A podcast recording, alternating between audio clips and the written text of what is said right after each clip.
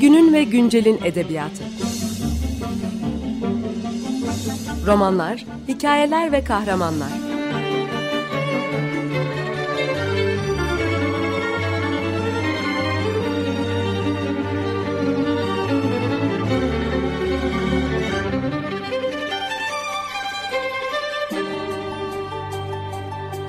Hazırlayan ve sunan Seval Şahin.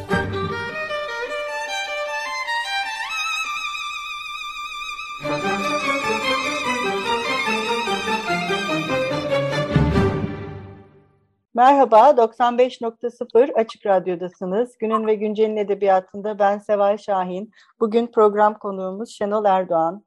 Merhaba Şenol Bey, hoş geldiniz. Selamlar Seval Hanım, selamlar, hoş bulduk. Ee, Şenol Bey ile birlikte bugün Sub Factory'yi konuşacağız. Ee, Sub Factory nedir? Uzun yıllardır Türkiye'de aslında yayıncılık yapan bir e, yayın evi. E, evet nedir Sub Factory Şenol Bey? E, Factory kısmından başlayayım. Aslında kısa bir e, süre önceye kadar ikinci takısı Press idi. Lakin e, sonra e, fark ettim ki e, Press kelimesi yaptığım ya da yapmaya çalıştığım şeyi e, tam anlamıyla karşılamıyor. E, ve pres kelimesinde çok başka farklı kirlilikler var. E, bir de çok söylenen şeylerden birisidir bana ne kadar çok üretiyorsun ki ben hep az ürettiğimi düşünürüm. E, ondan sebep bir arkadaşım da abi fabrika gibisin cümlesini kurmuştu bana. Ben de aa tamam dedim. Bundan sonra Subpress değil Sub Factory olsun dedim ve Sub Factory ismi en nihayetinde uzun yıllar e, sonra sabitlendi. E, nedir? Kendisini bu zamana kadar yapılmış ya da yapılmaya çalışılan ve hep eksik kalan ve kalacak olan yayıncılık tabirlerinin dışında bırakan ve bilhassa özellikle kendisine yayıncı demeyen, denmesini de istemeyen her kağıtla üretim ilişkisi olan ama şirketleşmemiş yapıların da kaçması gereken, sığması gereken e, bir tabir, bir yer ararken her şey başladı. E, en kısa yoldan söyleyecek olursam, ticaret ve satmak kelimelerinin aynı cümlede sabla beraber kullanılamayacağı bir yapıdır. Zira bir ticarethane olmadığı gibi e, amacı kağıt ya da kağıt formlarını satmak da değildir. Ta ki birisi onu almak isteyene kadar sabın satılabilir olma noktası ancak ilgilisinin alma istemiyle harekete geçebilir. Yoksa sap çeşitli ya da herhangi bir e, yolla kendisini ticari e, mercilere sunar ya da sunmak ister gibi bir cümleyi asla kuramayız. E, bir görünürlük olayı mecbur tabii ki. Bunu da sadece Instagram üzerinden sağlıyoruz. E, bunu da e, hiçbir şekilde ticaret değil, e, var olan ürünün hem bireysel ego açısından hem de karşıdaki bunun ilgilisi olabilecek şahıslarla çarpışılmasını sağlamak amacıyla Instagram'ı ne yazık ki mecburi bir yol olarak gördüğümden orada duruyorum. Kısaca bu. evet, e, SAP e, çok e, güzel metinler yayınlıyor. E, bir de e, ben yani uzun yıllardır takip ettiğim bir mecra SAP Press. Önce SAP Press, sonra SAP Factory. Evet. E, bir de mesela şey e, çok kısa metinler. E, evet. Ve e, daha mesela Walter Benjamin'in metinlerini hatırlıyorum hemen böyle hemen okunabilecek. Bir de tasarım da şey e, yani metinler. Ben mesela şeyden çok şikayetçiyim bir okur olarak. Aldığım üründe gözümün çıkmasından böyle küçücük puntolarla kör olacağım artık yani onları okuyacağım diye niye öyle oluyor onu da bilmiyorum ama mesela SAP'ta ya hiç böyle bir şey yok. sevdası var ne yazık ki var. Yani. o, o sadece ya onu çok evet, şikayet olarak alıyorum. E, ama o stabil bir şey değil. Bazen değişebiliyor. Yok sizin için formadan... değil. SAP'ta formlar değişiyor ama böyle genel olarak yayın evlerinde bir şey var. Ama SAP'ta öyle değil. Yani mesela o bahsettiğim Benjamin metinleri baya hani hem estetik olarak da e, sayfa üzerinde duruşları e, şey. Bir de kapaklarınız, onu da ayrıca bir e, konuşmak istiyorum. E, tabii, tabii. Ben incelik kısmından başlayayım isterseniz. Evet, buyurun. Tek sayfalık roman diye tabir ettiğimiz tek sayfalık romanımızdan sanırım 1140 sayfalık bir antolojimize kadar bir incelik kalınlık yolculuğumuz var. En başta dünya yayıncılığından önce Türkiye'deki yayıncılıkta ve özellikle tabii ki okurda ne yazık ki e, böyle primitif şeyler var. E, işte ince kitap, kalın kitap, orta kalınlıkta kitap, çok kalın kitap, işte ağır kitap, hafif kitap. Kitabın ontolojisinde yani metin diyelim biz ona. Metnin inceliği, kalınlığı, işte kaç sayfa oluşu bunlar cümleye e, konuşmamıza en başlarken ki e, işin ticari yapılarının Türkiye'de ve dünyada şekillenişiyle ilgili şeyler. E, çünkü onlar için yani şöyle bir şey var. E, 20 sayfa basabilecek bir kitabı e, elbette ki bir süre yayınca 60-80 küsur sayfa basabilir. Bu fiyatını etkiler. E, genel kanı şeydir işte incenin kitap olamaması yani cildinin sırtlanamaması. Oysa ki e, Türkiye Cumhuriyeti Cumhuriyet olmaya yüz tutmuşken e, Türkiye'de Risale yayıncılığı çok yaygındı. Hatta o zamanlar zımba dahi kullanmadığından formalar sadece iç içe geçirilirdi. Tabii e, zamanımızda e, şekilcilik e, böyle ayrı bir sanat dalı oldu.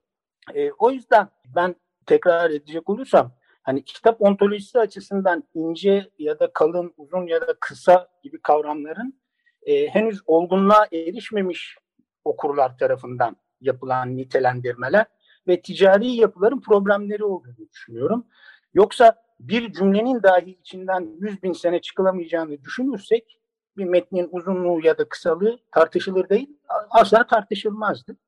O yüzden fiziksel formlarla e, pek içli dışlı olmuyoruz. Metin e, beni ilgilendiriyorsa bu metnin bana ulaştığında hissettiğim şeyleri birinin de hissedebileceğini düşünüyorsam onu nesneleştiriyorum e, ve bunun benim gibi işime yaraması ya da beni mutlu etmesi ya da heyecanlandırması ya da düşündürmesi gibi e, şeylerin birinin de başına gelme ihtimali ya da düşüncesi de beni heyecanlandırıyor.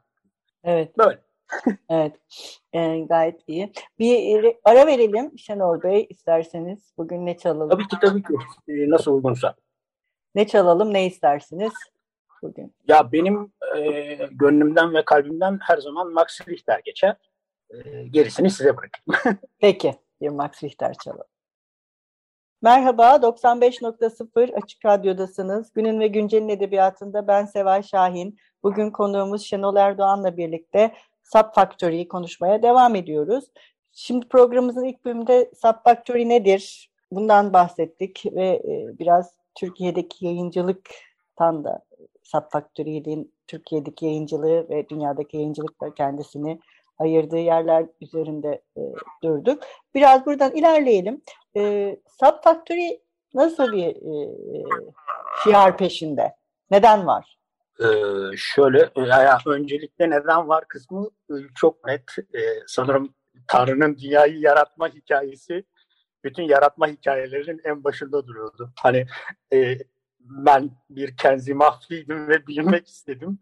Ee, insan bir gizli hazine e, değilse de e, o kadar mukaddes değilse de e, bilgi bir süre, bir süre sonra dışarı taşma arzusunu e, insanda hissettiren, insana getiren bir şey.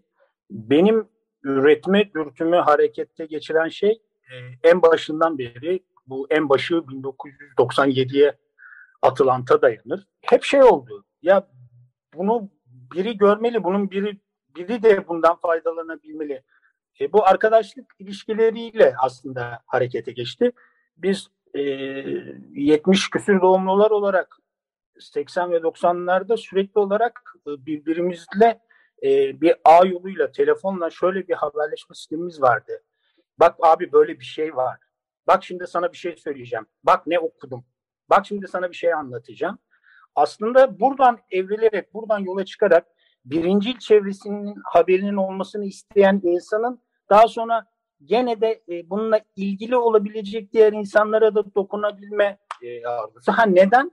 Çünkü ortaya siz çatlaklar bırakıyorsunuz. Ben onlara hep şey diyorum. E, sap hiçbir zaman bir ağaç gövdesi ya da dalından ziyade daha hani rizomatik, daha köklerle, daha kılcallarla hareket ediyor. Çünkü sonuç itibariyle insanları sevmenin ve sevmemenin ötesine geçersek ortaya bıraktığımız şeyler e, ille de bunların e, kitap e, ve o, o türevde şeyler olmasına gerek yok. Bu bir ses olabilir.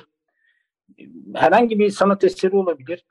E, birilerine dokunabilme ve mesela onu bir çukurdan çıkarabilme ihtimali ya da onu bulamadığı bir yola doğru yönlendirebilme ihtimali yani olumlu olan şeyleri onun başına getirebilme ihtimali hep beni cezbetmiştir. Ve ben bunun iyi bir şey olduğunu yani kutsal anlamda iyi bir şey olduğunu, temiz bir şey olduğunu ve bunu içeride tutmanın da yanlış bir şey olduğunu hep düşündüğüm için üretmeyi hep böyle gördüm. Bu anlamda zaten yayıncılığı da hani sürekli o söylediğim ticaret kısmından alıkoymamın ana faktörlerinden birisi budur. Ee, bazı kitapların satılmaması gerekir. Ne yazık ki Türkiye'de her türlü kitap satılıyor. O ne güzel. Ee, Aslında bu güzel bir şey bir taraftan. yani şey var, düz algı şey diyebilir, esen satmıyor musun diyebilir ama hikayemiz o değil. O kadar yüzeyde değiliz, ondan bahsetmiyoruz. Hani sonuçta yüzeyin de bir derinliği var, oradan bahsediyoruz. Zorunlulukların e, ötesine geçme arzusu benimkisi. E, elimden geleni yapıyorum. Evet. E, işte bu anlamda bu üretme makine, mekanizması harekete geçti.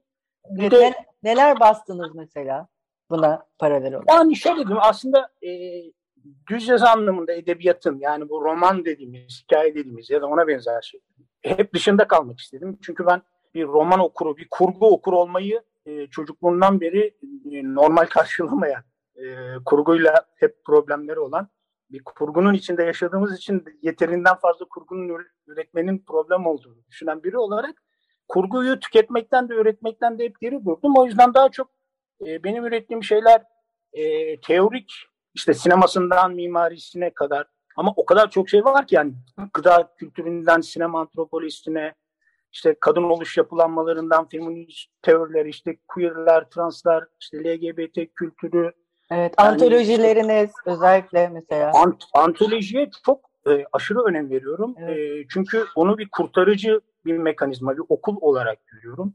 Yaklaşık herhalde sadece SAP adıyla 10 küsur antoloji yayınladım. İşte siyah müzik üzerine özellikle.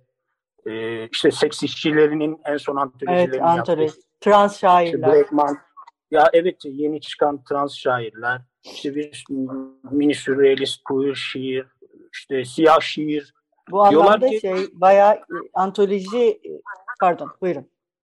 Yok estağfurullah. Ya antoloji çünkü e, ya şimdi bizim ülkemizde delik çok büyük. Yani özellikle tek dilli olmaktan ve bizi yüceltebilecek geçmiş e, kültürümüzün ona eski medeniyet diyorlar. Oysa şurada 90 sene öncesine kadar yeni bir medeniyetti. E, dillerini de okuyamamaktan kaynaklı deliğimiz çok büyük. Ondan sebep bu tip birlikte sunumlar yani okurun çabasıyla onu çok daha ileri götürebilecek şeyler. Aynı iyi kitapların dipnotlarının insanları bir sürü yere yönlendirmesi gibi bakıyorum ben olaya. Çünkü antolojiden yola çıkarak okur gerçekten çok fazla yere kendisi gidebilir. Hani bu bir çeşit ya benden bu kadar sen arzu edersen buradan yürü. Sonuç itibariyle toplamaktan ve derlemekten bahsediyoruz. En nihayetinde e, bir roman bile aslında teknik olarak toplanıp derlenmiş iki tane kartonun arasına sıkıştırılmış kağıt yumağı oluyor. Bu yüzden e, o tip datalar veren toplamaları hem faydalı buluyorum hem seviyorum. Evet, mesela John Lennon'ın e, Safsata Edebiyatı değil mi? Yine yayınlanan. Saf, e, Safsata isminden dolayı okur bir geri çekilmişti. Yoksa oysa hani Safsata'nın sözlük anlamına baksalar ne kadar güzel bir kelime olduğunu evet. görecekler. Ee, yine Mesela erken şey dönem. Erken dönem e, Rus Edebiyatı ve Rus Dili Kropotkin'in kitabını da yayınlamıştınız. Yani evet evet. E, or, orada bir şey var. E, Kropotkin serisi var. Aslında o tek bir kitap. Lakin e, hacmi dolayısıyla e, hem e, insanların okumaktan geri duracağı bir kitap hem de fiyat olarak o toplam insanları korkutabilir. E, o yüzden e, zaten bölümleri birbirinden bağımsız olduğu için e, onları da buklet olarak, tek tek kitaplar olarak e, yayınlamayı fayda gördük. Evet Hatta çok güzel bir seri bu arada bu Kropotkin serisi. Evet, sanırım 3 eksiği var. Onlar da işte yavaş yavaş tamamlanacak. Ya şey çok çeşitli işte dediğim gibi hani e, yaşamın çeşitliliği kadar işte sonuçta buraya kadar yani bu tarihe kadar gelen sırtımıza bindirilen bir kültürel yük var. O çeşitliliğe bakarken e, doğal olarak sunduğunuz şeyde tükettiğiniz şeyle eşdeğer oluyor. Yani ne kadar geniş bakabilirsiniz o kadar geniş insanlara sunuyorsunuz, sunmaya çalışıyorsunuz.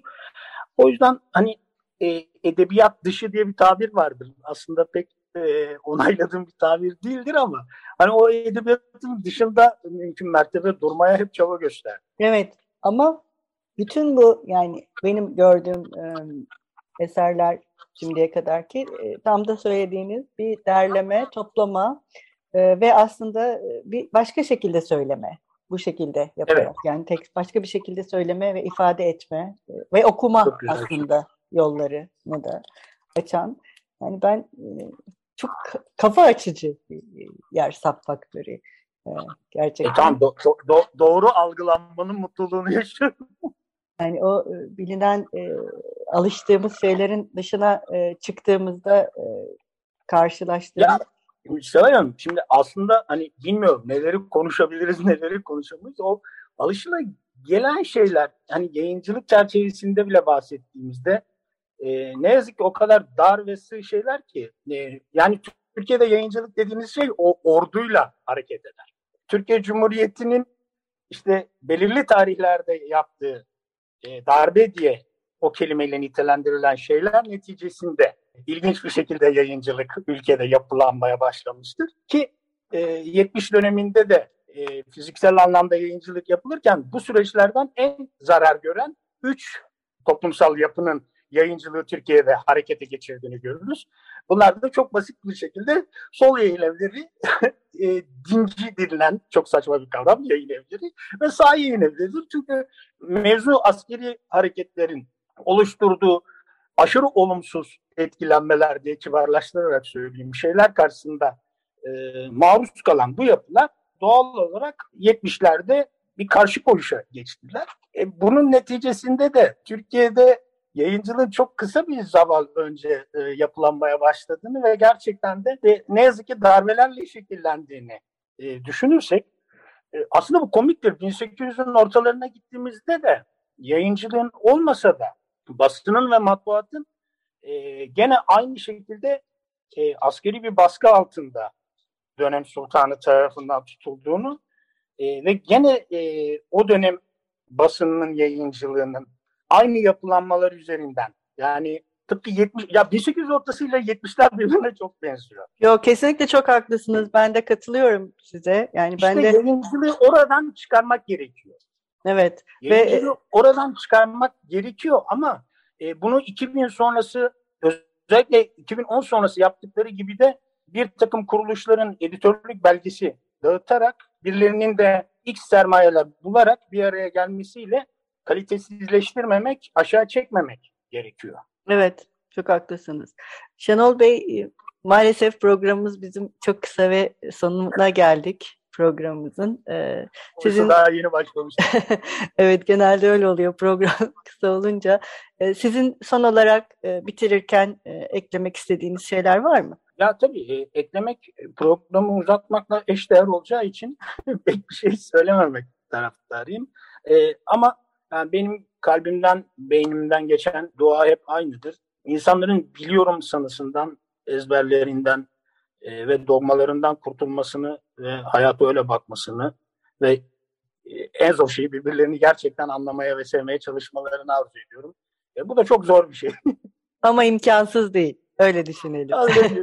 çok teşekkür ederiz Şenol Bey konuğumuz olduğunuz evet, için. Ben teşekkür ederim. Çok keyifliydi. Kendinize iyi bakın. Siz de. Hoşçakalın. Görüşmek üzere.